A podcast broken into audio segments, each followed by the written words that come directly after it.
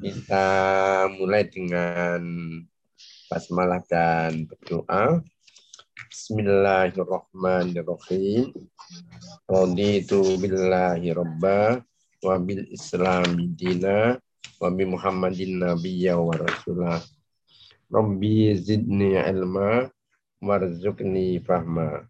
Rabbi syrah li sadri wassir li amri wahlul 'uqdatam min lisani yafqahu.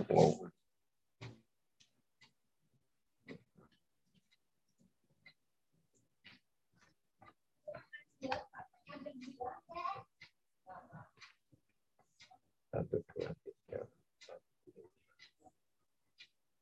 yang sudah hadir Mas Badrul Tamam ya sudah hadir.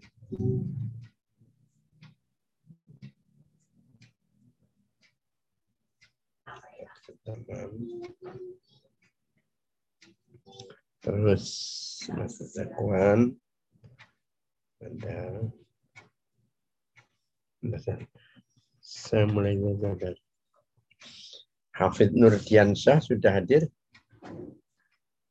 Belum ya?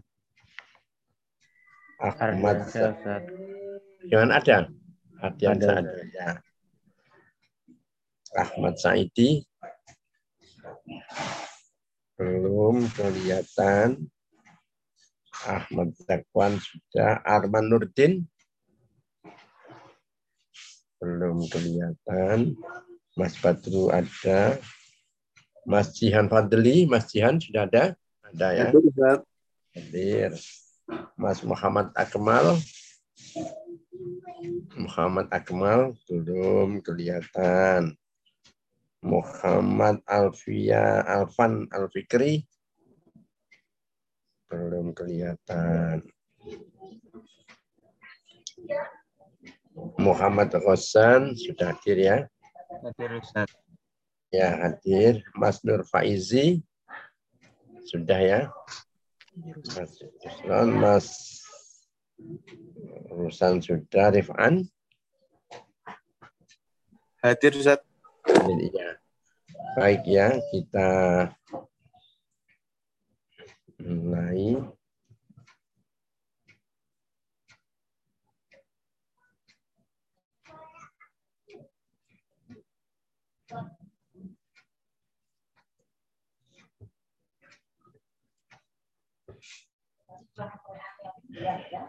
Pada saat ini kita akan mulai memperdalam tentang peraturan perundang-undangan yaitu hukum-hukum yang berkaitan perkawinan yang termuat dalam Undang-Undang Nomor 1 Tahun 74, Peraturan Pemerintah Nomor 9 Tahun 1975 dan kompilasi hukum Islam yang dituangkan dalam pesan Presiden nomor 1 tahun 1990 gitu. Saya akan coba menanyakan kepada semua tolabah ini pasal atau masalah apa yang akan dijadikan topik di dalam penulisan esai atau penulisan yang berupa cerpen kemudian dikaitkan atau dikomentari dengan peraturan perundang-undangannya. Saya mulai dari Mas Rifan itu. Mas Rifan mau mengupas tentang apa atau mengangkat masalah tentang, tentang apa? Tentang poligami, Ustaz. Iya. Pasal berapa di dalam undang-undang dan masalahnya tentang apa? Tentang poligami, Ustaz. Iya, poligami itu mengapa terjadi poligami? Kan poligami itu bisa terjadi dengan beberapa sebab dan beberapa syarat, kan? Hmm. Oh, itu. Uh, itunya suaminya berlaku kurang adil, Ustaz. Kemudian oh, cerai. Jadi poligaminya ter... jadi dengan demikian poligaminya sudah terjadi ya. Oh iya, Ustaz. Nah, tentunya ini ketika poligaminya sudah terjadi karena perkawinan zaman sekarang persoalan undang-undang ini sudah berjalan tahun 1 Oktober 1975 sampai sekarang sudah berapa tahun ini Mas?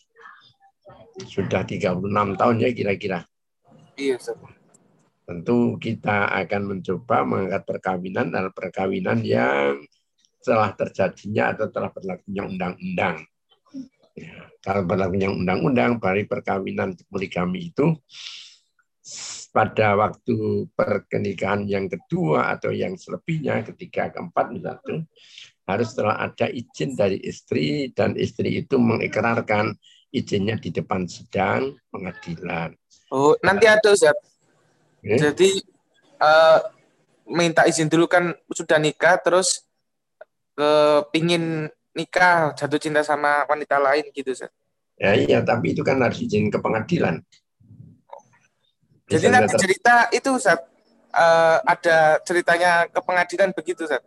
Iya, karena ketika tidak berlaku adil itu kan waktu itu kan pengadilan memberikan izin untuk kawin karena eh, istri salah satu persyaratannya ada istri itu eh, mengizinkan. Di samping ada syarat-syarat yang lain, misalnya istri sakit-sakitan, misalnya istri tidak memiliki keturunan itu kan Iya. Nah, persyaratan lain harus berlaku adil di dalam membagikan berbagai macam fasilitasnya kan itu.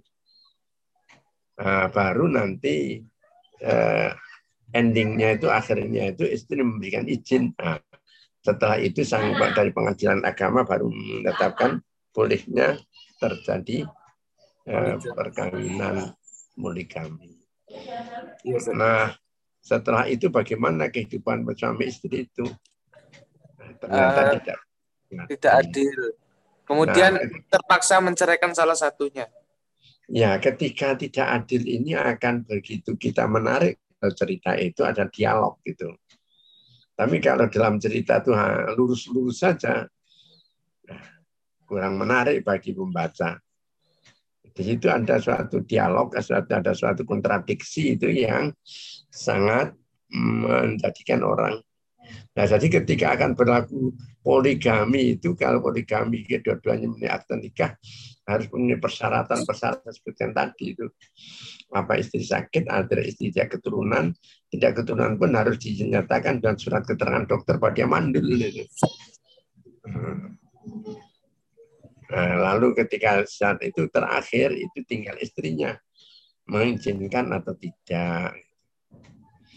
Ketika istrinya misal mengizinkan, maka kemudian baru terjadi poligami. Nah, kalau sudah terjadi poligami, maka oke, sebentar, saya ada tamu ya. Nah, setelah itu baru kita lihat bagaimana dalam kehidupan rumah tangga. Maka kehidupan rumah tangga ini akan menjadi menarik untuk orang membaca ketika di situ ada dialog. Bahkan terjadi konflik ya, sekalipun konfliknya bukan konflik KDRT ya, tapi konfliknya adalah konflik perdebatan antara mereka. Gitu. Nah, baru endingnya, keputusannya, akhirnya mereka harus menggugat ke pengadilan. Nah, gugatan ini, kalau misalnya apa alasannya tidak punya anak, ternyata istri kedua juga tidak punya anak misalnya. Yang sang laki-laki bisa mengajukan talak gitu. Tapi kalau ternyata itu ketidakadilan itu datang dari suami, istri bisa menggugat namanya hulu kan itu. Ini yang menggugat karena tidak menggugatkan talak itu gugatan cerai itu. Karena tidak berlaku adil. Nah itu nanti disekaitkan dengan pasal 119 dalam KHI atau pasal berapa itu di dalam peraturan pemerintah. 54. Ya. Nah, tetapi yang penting itu selain jalan hukumnya itu benar, tapi tidak kalah nah, cantiknya kalau itu misalnya dalam alur cerita itu ada dialog gitu. Ya, ya begitu ya Mas ya. Depan nanti ya, depan nanti minggu depan atau Sabtu yang akan datang sudah bisa dirumuskan judulnya apa gitu. Ya, yang menarik tentunya judulnya itu yang bahasa seni atau bahasa yang Eh, menggugah orang untuk membaca. Sebentar saya ada tamu satu sebentar. Silakan Mas Rosan, problem apa yang akan diangkat, pasal berapa dalam peraturan yang akan di jadikan dasarnya. Silakan Mas Rusan. Saya ambil ini Ustaz bab 3 peminangan pasal 11. Bab 3 undang-undang ke KHI ini? KHI. Uh, uh, ya. Bab 3 pasal 11. Problemnya apa Mas tentang peminangan ini? Uh, jadi nanti ceritanya itu apa namanya ada dua orang yang dia itu ingin menikah tetapi masih terhalang perizinan dari orang tua hmm. ya, karena ada beberapa hal atau beberapa syarat yang diberikan hmm. orang tua untuk mereka boleh hmm. menikah hmm. Gitu, Syaratnya apa itu Mas Lausan? Lulus kuliah Ustaz. Oh, setelah kuliah. Terus dialognya nanti dan orang tua gimana Mas Rosan? Apakah misalnya sang anak ini tetap mempertahan, mem meminta untuk segera menikah dan orang tua tetap bersikeras untuk yang membolehkan atau gimana? Harus ada dialog yang kuat itu. Gimana dialognya nanti? Jadi nanti ceritanya eh, yang si anak ini uh, memohon ke orang tuanya gitu. Jadi hmm. orang tuanya itu pada akhirnya nanti mengizinkan dengan syarat uh, si anak ini sudah harus mandiri dalam artian harus mempunyai uh, penghasilan sendiri gitu. Uh, maksud saya ketika sampai ke sana itu sampai dengan mereka setuju terhadap persyaratan apa ada dialog-dialog yang terjadi. Misalnya,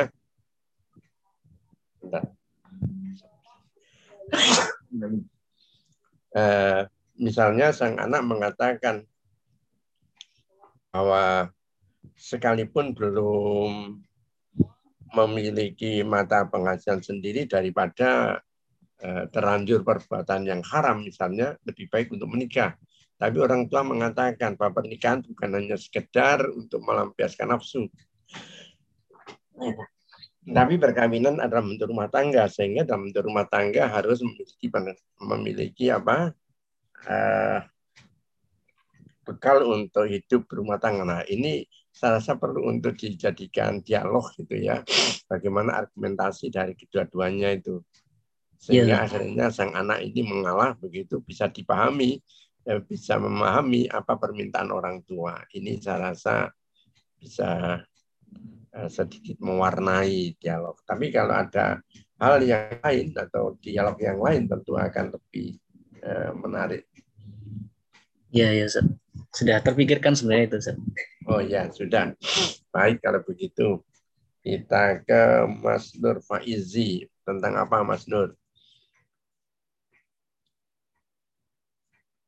Saya rencana ambil dari KHI, Ustaz. Mm -hmm bab tentang larangan kawin pasal hmm. ke-42. Iya, larangan kawin. Jadi intinya uh, tidak boleh menikah lebih dari empat orang istri, Ustaz. Iya. Apa ada permasalahan itu, Mas? Nanti sang suami ingin nikah lagi, Ustaz. Tapi kalau sudah lebih dari empat kan tidak mungkin untuk bisa dilakukan nikah itu. KUA tentu akan menolak. Apalagi ini kawin poligami. Tentu harus izin dari pengadilan agama. Dan pengadilan agama akan akan hukum bahwa lebih dari empat tidak mungkin. Tidak akan diberikan izin oleh pengadilan agama. Dan karena tidak ada izin dari pengadilan agama, tidak mungkin KUA akan melangsungkan pencatatan nikahnya. Secara moral pun masyarakat akan menilai bahwa orang itu sudah melanggar hukum agama. Nah, di mana masalahnya, Mas? Ustaz, kalau ceritanya dibuat suami itu ya melanggar itu tadi, Ustaz. melanggar undang-undang tersebut. KHI ya, kan, ya kalau melanggar itu melanggar, tetapi kan pengadilan juga melanggar nanti kalau memberikan izin. KUA juga melanggar. Hakimnya itu akan terkena uh, peringatan oleh apa oleh komisi yudikatif KJ itu ya. Dan kalau terkena peringatan komedi, terkena peringatan oleh KY itu tidak menutup kemungkinan dia dipecat oleh Mahkamah Agung gitu. Nah, KUA-nya mendapatkan unsur ancaman hukuman kalau nggak salah 4 tahun hukumannya menikahkan orang yang tidak sesuai dengan undang-undang. Nah itu gimana? Kan tidak mungkin terjadi. Masa kepala KUA mau menikahkan orang yang melanggar undang-undang, melanggar tentuan syarat? Karena lebih dari empat sudah termasuk melegalkan perzinaan itu. Ini namanya suatu hal mustahil itu. Suatu hal yang sungkar dipahami kemungkinan terjadinya. Itu Mas Nur. Berarti harus diganti Ustaz? Iya, karena tidak ada masalah. Karena kalau hakimnya meloloskan memberikan izin, dan itu nampaknya susah sekali mendapatkan izin empat orang istri mengatakan iya boleh nikah dan kawin yang kelima sekalipun dia kaya raya sanggup dari sisi syarat-syarat material tapi salah satu syarat yang juga tidak bisa dilanggar, tidak punya anak atau tidak punya keturunan.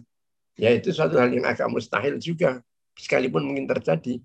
Kawin sampai empat kali, kawin dengan empat orang dalam waktu yang sama, tidak punya anak. Itu ya. Jadi kemungkinan-kemungkinan seperti ini jauh dari kenyataan itu. Eh, mungkin ada, tapi jauh dari kenyataan. Itu loh. Coba sekarang dibayangkan lagi yang yang memang real.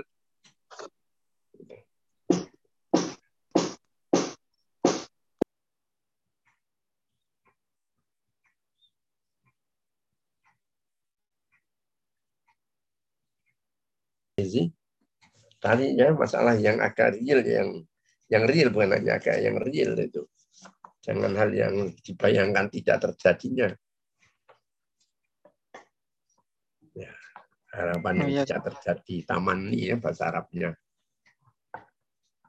Yang tarot lah ada harapan. Mas Rosan. Ya Ustaz. Ya. Uh, Insya Allah saya akan mengambil dari KHI pasal 80 hmm. ayat 4 Ustaz tentang ya. nafkah suami Ustaz. Iya gimana masalah suami uh, jadi nanti ceritanya itu ada sepasang suami istri saat suaminya kerja di bank. Kemudian suaminya ini tertarik dengan salah satu kajian gitu saat. Nah, di kajian itu dia dituntut untuk berhijrah. Katanya kerja di bank itu riba, haram saat. Akhirnya uh, dia karena sudah punya anak, sebenarnya di bank itu sudah mau istilahnya naik pangkat, sudah ada kesuksesan di bank itu, karena dia resign akhirnya dan nggak bisa mendapatkan pekerjaan dia jadi penjual peci dan parfum di masjid Ustaz. Kemudian karena tuntutan nafkah dari istri, anak dan e, biaya rumah tangga yang semakin membengkak gitu saat dia konsultasi lagi ke ke kajiannya itu saat lalu kajiannya bilang maunya dia bilang ke istilahnya ke ustadznya gitulah ini gimana? Saya apa? Saya sudah istilahnya sudah hmm. resign kok kehidupan saya malah tambah nggak membaik gitu hmm. lalu karena kajiannya ini sudah istilahnya agak menyimpang ya Ustaz eh, hmm.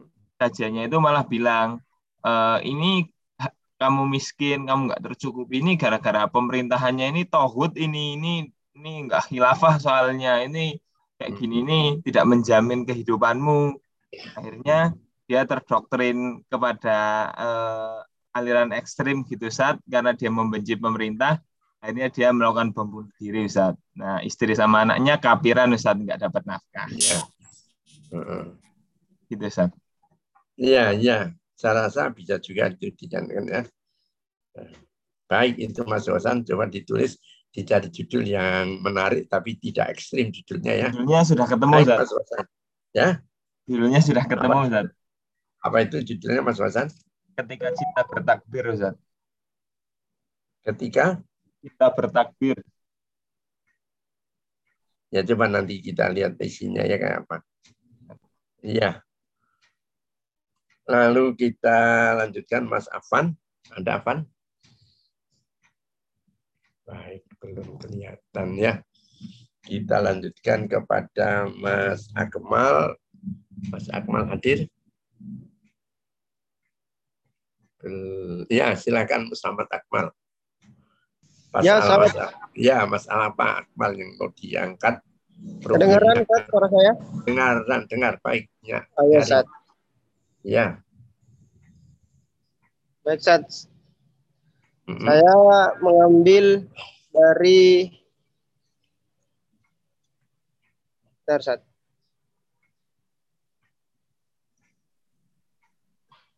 Saya mengambil dari Undang-Undang Nomor 1 Tahun 1974. Pasal Pasal 29 ayat 1. Zat. Ya. Pasal 29 ayat 1. Tentang perjanjian pernikahan. Hmm. Iya. Karena Lalu problemnya apa ya? Problemnya itu karena banyak yang sekarang saat di awal pernikahan itu banyak janji yang ditawarkan saat. Tapi seiring berjalannya pernikahan banyak janji-janji itu yang dilanggar saat. Misalnya hmm. seperti itu.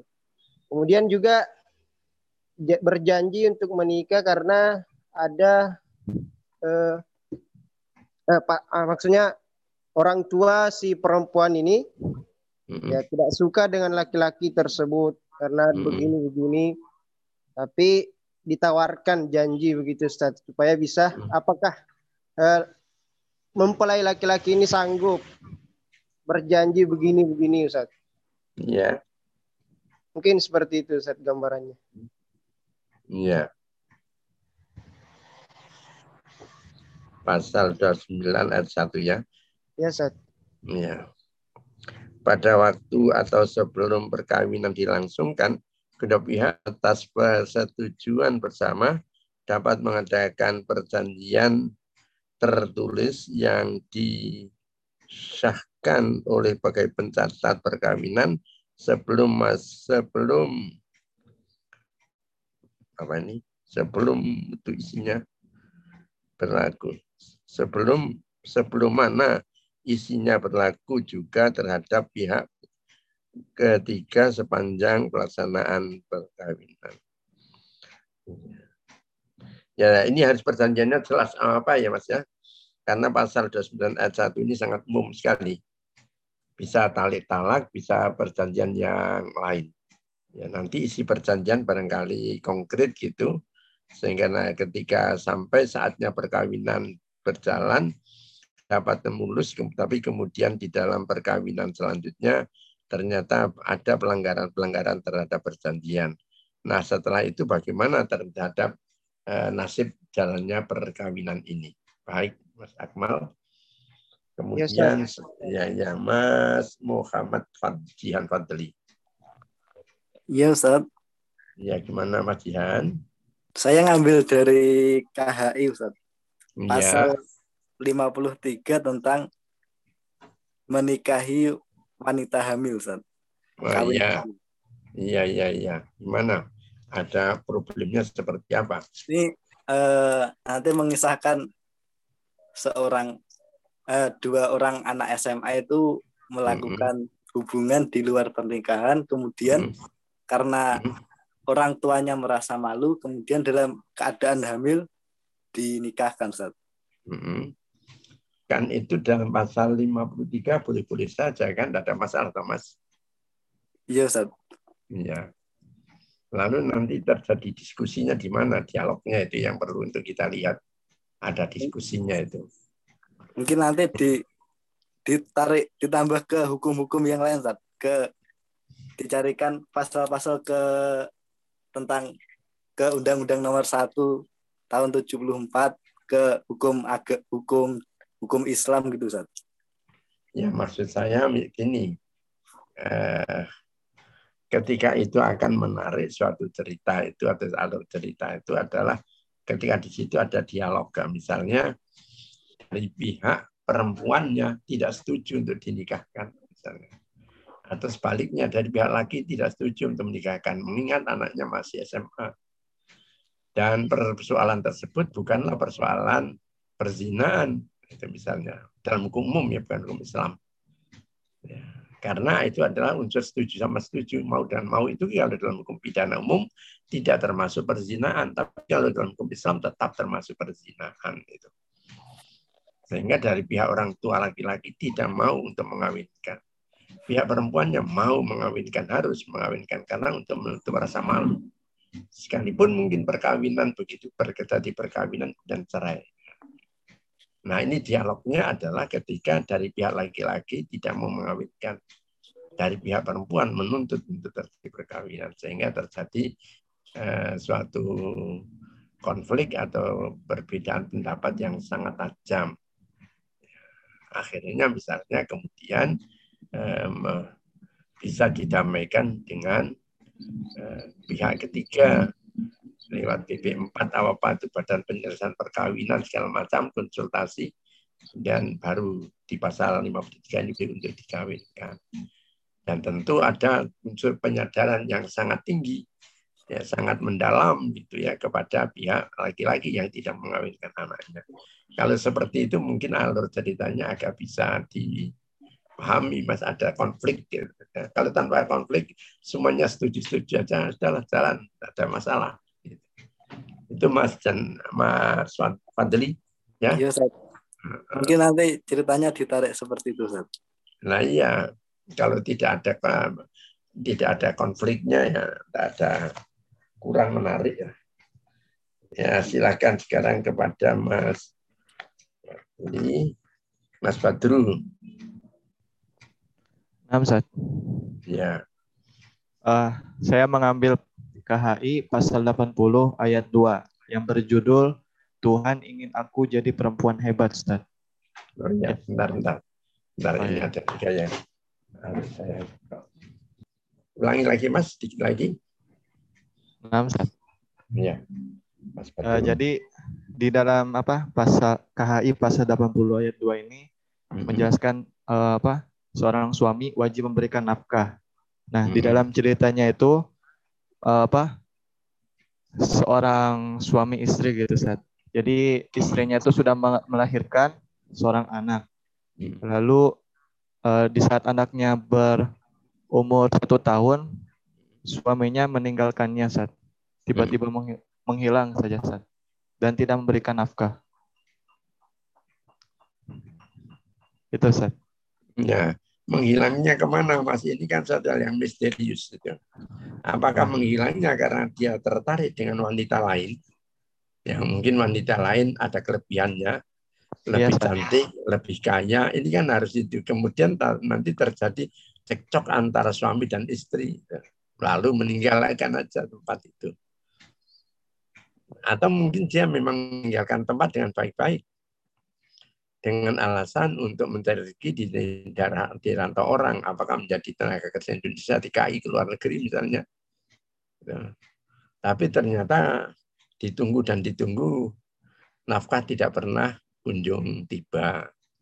Lalu menggugah terjadinya perceraian karena tidak pernah diberikan nafkah.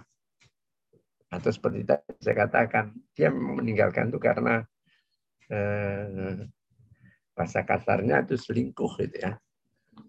Dia selingkuh karena ada perempuan lain yang punya kelebihan, dia tertarik di situ sampai rela hati meninggalkan istri dan anak. Lalu sebelum itu mestinya terjadi cekcok itu. Ya. Atau sebenarnya sebenarnya terjadi cekcok, istrinya mengetahui kalau sebenarnya entah dari HP, entah dari dompet yang ada yang ia miliki itu kemudian di situ lihat ada perempuan atau foto perempuan lain atau dari HP-nya terlihat di dia melakukan WA atau telepon dengan dengan apa dengan perempuan lain.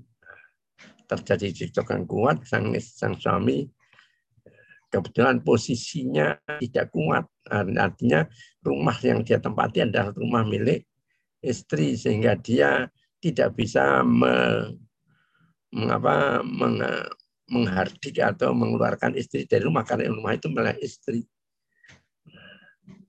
Dia terpaksa keluar dari rumah itu.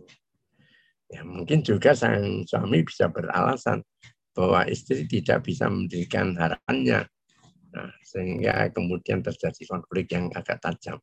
Nah begitu saya rasa Mas nanti agak ceritanya Pak agak sedikit dipanjangkan ya. Ada variasinya. Nah, Ya baik ya Mas Jakwan sekarang. Tentang apa Mas Jakwan yang diangkat? Uh, di, ambil dari KHI mm -hmm. pasal 39 Ustaz. Iya, tentang apa ini Mas Jakwan? Tentang larangan kawinnya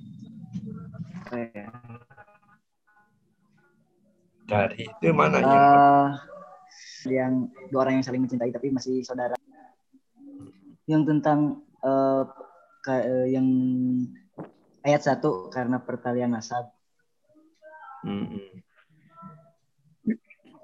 nah gimana pertalian nasab kan kalau pertalian nasab itu yang ke atas ke bawah tidak boleh ya atau kemenakan juga tidak boleh ya. Tapi kalau sepupu kan masih boleh, Thomas. Sekali anak kakak dan anak adik itu kan bisa boleh untuk menikah. Kasusnya seperti apa ini, Mas? Uh, yang sama sepupu tadi, eh, apa? Kalau sepupu kan boleh, Thomas. Ya, tapi uh, keluarganya itu gak ada yang merestui, Ustaz. Bagaimana, Mas? Tapi keluarganya nggak ada yang merestui. Hmm, tidak setuju karena terlalu... meskipun, boleh, tapi kan uh, masih saudara. Gitu. Hmm. Dan ditakutkan masih ada dampak-dampak negatif dari. Hmm. Jadi, nah, lalu ketika itu bagaimana kelanjutannya? Nah, saudara itu walinya gimana kan? Yang penting walinya. Sekalipun saudara tidak membolehkan, tapi kalau walinya membolehkan kan, ya sebagian ulama membolehkan kecuali ada pandangan dari madhab hambali itu semua orang semua harus setuju. Misalnya itu dari jumhur ulama mengatakan boleh. Lalu konfliknya letaknya di mana?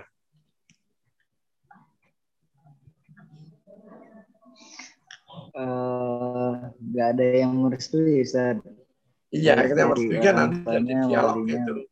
Orang tuanya gimana? Restui tidak itu? Enggak, Ustaz. Nah, kalau orang tua merestui dan enggak merestui, lalu ah, terjadi dialognya dengan siapa? Apa anak-anak itu sendiri kemudian dia memaksakan perkawinan, lah, kawin lari misalnya? Uh, iya, ada rencananya pengen melakukan nikah nikah lari cuman setelah uh, konsultasi ke sana ke sini dan ke pihak kedokteran ternyata emang dampaknya itu mungkin ya saya coba masih dilihat adanya itu secara secara secara ya iya perkawinan ini nah. secara hukum tidak ada masalah, boleh-boleh saja itu. Tapi kita untuk mencoba mengangkat suatu peristiwa yang mereka punya argumen masing-masing. Ya, misalnya yang satu mengatakan tidak, yang satu mengatakan iya. Akhirnya yang mengatakan tidak itu pun mengikuti kata-kata iya misalnya. Setelah ada penyadaran hukum itu. Hmm.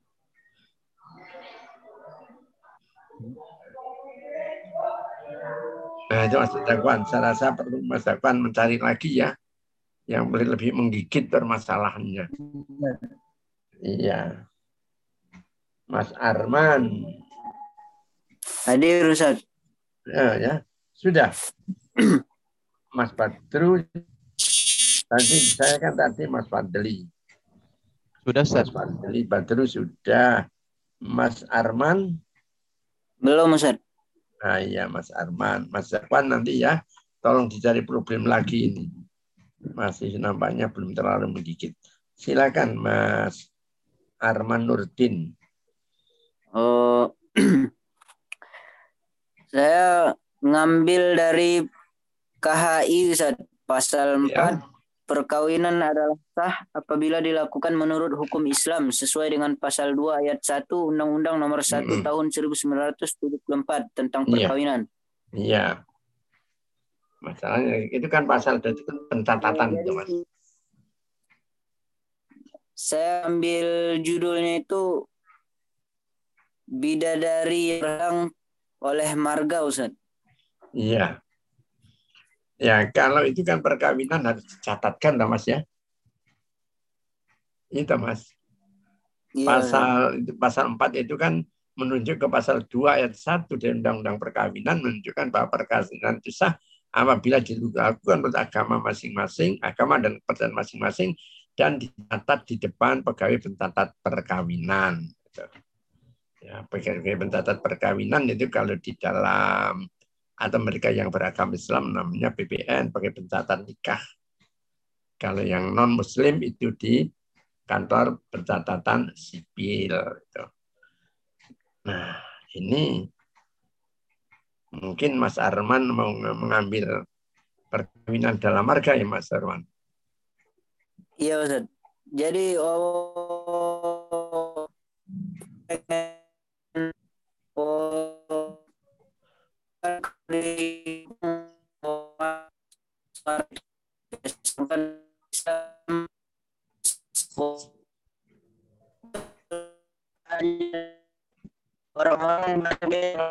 syariat gitu. Iya. Kalau dilatih ya misalnya Mas Arman ini marganya Nasution kan? Arman? Arman kan marganya Nasution. Iya, Arman. Memang dalam tradisi. Ya, Rubis. Iya, Ustaz. Nah, memang tradisinya kan di dalam orang-orang Tapanuli itu kan perkawinan sebaiknya atau perkawinan yang paling afdol itu adalah dilakukan dengan lintas marga ya kan gitu. Iya, Ustaz. Nah, perkawinan itu sepanjang itu tidak ada hubungan darah yang dekat, itu kan dibolehkan.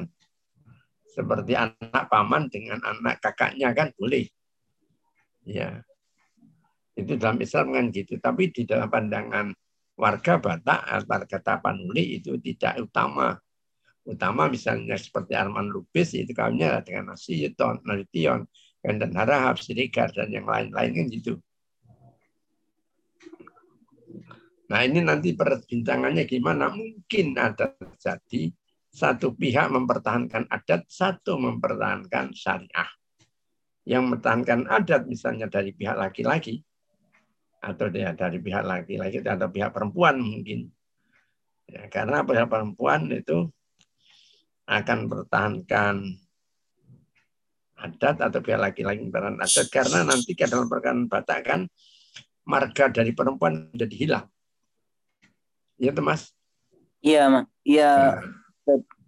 Iya, marganya marga dari keturunan Bapak kan.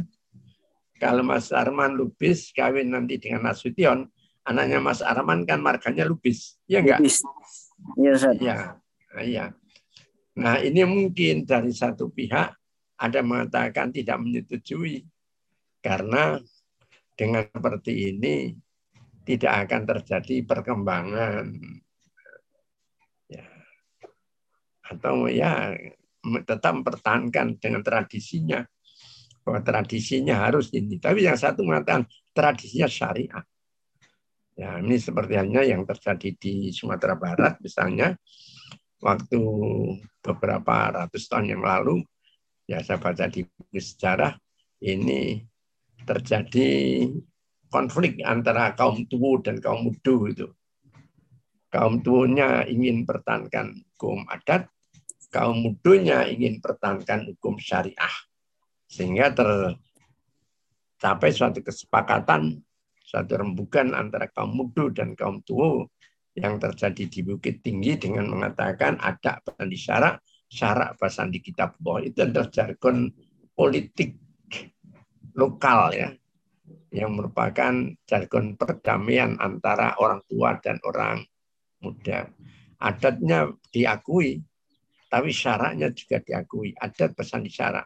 Syarat pesan di kitabullah. Apakah ada kira-kira yang seperti itu misalnya? Larangan untuk melakukan perkawinan satu marga itu. Nah, saya rasa ditemukan menemukan ini Mas Araman baik.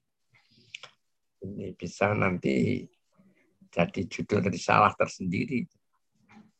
Ya gitu Mas Arman ya sekalipun sekarang ada juga Mbak Fahra ini Sirigar itu sedang menulis risalahnya tentang perkawinan satu marga di kalangan Tapanuli Selatan. Tapi tidak menutup kemungkinan Mas Arman yang juga dari si Sumatera Utara itu bisa menulis judul yang sama tapi masalahnya berbeda. Maka kesempatan ini untuk dicari apa masalahnya mungkin konflik antara laki-laki dan perempuan atau pihak laki-laki dan perempuan antara satu mempertahankan adat yang satu sudah menerapkan syariat. Sehingga bisa dikatakan mana yang menang adat atau syariat gitu ya. Seandainya judulnya itu ya kita lanjutkan kepada Mas Ahmad Saidi. Mas Saidi hadir? Sudah kita lewati dulu untuk sementara. Mas Hafid Ardiansyah. Baik Ustadz. Ya. Jadi, di sini saya ingin membawakan sebuah kisah. Uh, judulnya uh, Balada si miskin meng menggapai kuku-kuku. Jadi uh, cerita ini diambil dari uh, KHI pasal 30 sampai 33 yang saling berkesinambungan. Iya. Jadi ada seorang yang uh, memang kehidupannya sederhana, namun dia menginginkan atau menyukai salah seorang perempuan, di mana perempuan itu memang berasal dari keluarga yang kaya raya. Dan Uh, dan perempuan ini sangat mengetahui sekali bahwa uh, pria ini, laki-laki ini memang sangat baik, sangat baik dalam hal agama maupun dalam hal bekerja pekerja keras. Namun di sini sang pria uh, ketika ingin uh, menikahi wanita terhalang oleh namanya mahar. Nah, karena uh, pada asal 30 uh, mahar disepakati oleh kedua belah pihak. Uh, sedangkan yang disepakati oleh pihak dari perempuan itu sangat besar sekali dan mungkin sangat susah digapai untuk laki-laki. Namun laki-laki ini tetap bersikeras uh, ingin mengabulkan itu walaupun memang uh, secara realita sangat-sangat susah. Akhirnya pernikahan ini uh, ter uh, tertunda tertunda terus terus terus tanpa keluarga perempuan ini mengetahui bahwa sang laki-laki ini sedang berusaha untuk mewujudkan mahar itu. Nah, permasalahannya eh, pada pihak perempuan ini sangat heran mengapa kok eh, bisa sangat lama sekali untuk eh, menikahi anaknya karena eh, karena masalah mahar saja. Nah, mengetahui betapa kerja keras serta eh, kebaikan hati dari laki-lakinya, pada suatu saat eh, akhirnya bahkan mahar itu sangat tidak berarti sama sekali. Jadi bukan sangat tidak berarti, tapi ini sangat tidak memberatkan sekali. Begitu sampai pada waktunya menyepakati keduanya menyepakati bahwa mahar itu cukup segini saja begitu. Iya. Eh, baik Mas, ketika bilang mahar yang satu menuntut berapa perempuan menuntut tinggi, ya, sedangkan pihak laki-laki tidak sanggup, ini kan tentang mahar. Mahar itu mutlak milik si perempuan orang iya. tua dari perempuan tidak boleh ikut campur itu. Nah, itu loh. Nah, mungkin akan menjadi permasalahan ada intervensi yang ikut campurnya dari pihak iya, perempuan. Ya, orang tua. Nah, itu mungkin adalah karena gengsi sosial. Sebab nanti kalau anaknya itu dilamar, apalagi nanti di dalam akad nikah itu dihadiri oleh orang banyak, maharnya kok sepasang sandal jepit misalnya gitu ya. Nah, orang akan menjadi wah cuma kayak gitu atau mungkin hanya sepuluh ribu rupiah itu kan. Iya. Nah, orang tuanya ingin gengsi sosial ya. seperti ini, tapi lalu sang anaknya tetap mempertahankan itu hak mahar itu hak saya bapak, bukan hak bapak. Nah ini di sini diceritakan dialognya antara anak perempuan dengan si bapaknya itu loh mas. Sehingga iya. pada suatu saat Pak Nyatun menyadari bahwa mahar ini adalah haknya anak perempuan. Sedikit pun orang tua, siapa pun orangnya, tanpa keikhlasan dari si anak ini tidak boleh untuk mengambil maharnya. Jadi letak dialognya itu adalah pada eh, orang tua dengan si anak perempuan ini. Bagaimana menyadarkan orang tua bahwa mahar itu adalah milik dari si anak perempuan, bukan milik orang tua. Orang tua tidak bisa untuk ikut campur atau tidak bisa untuk mengintervensi akan hak-haknya. Nah, begitu ya Mas ya. Baik. Ya, besok kira-kira Selasa yang akan datang itu kita tanggal 8 sudah mulai bisa kelihatan judul-judulnya kita diskusi tentang judul ya. Nanti isinya dikerjakan pada saat bulan Ramadan. Begitu Mas, sementara. Baik Ustaz. Ya, sampai di sini dulu ada pertanyaan. Oke, ya, kita akhiri bersama dan alhamdulillah. Alhamdulillah. Alhamdulillah.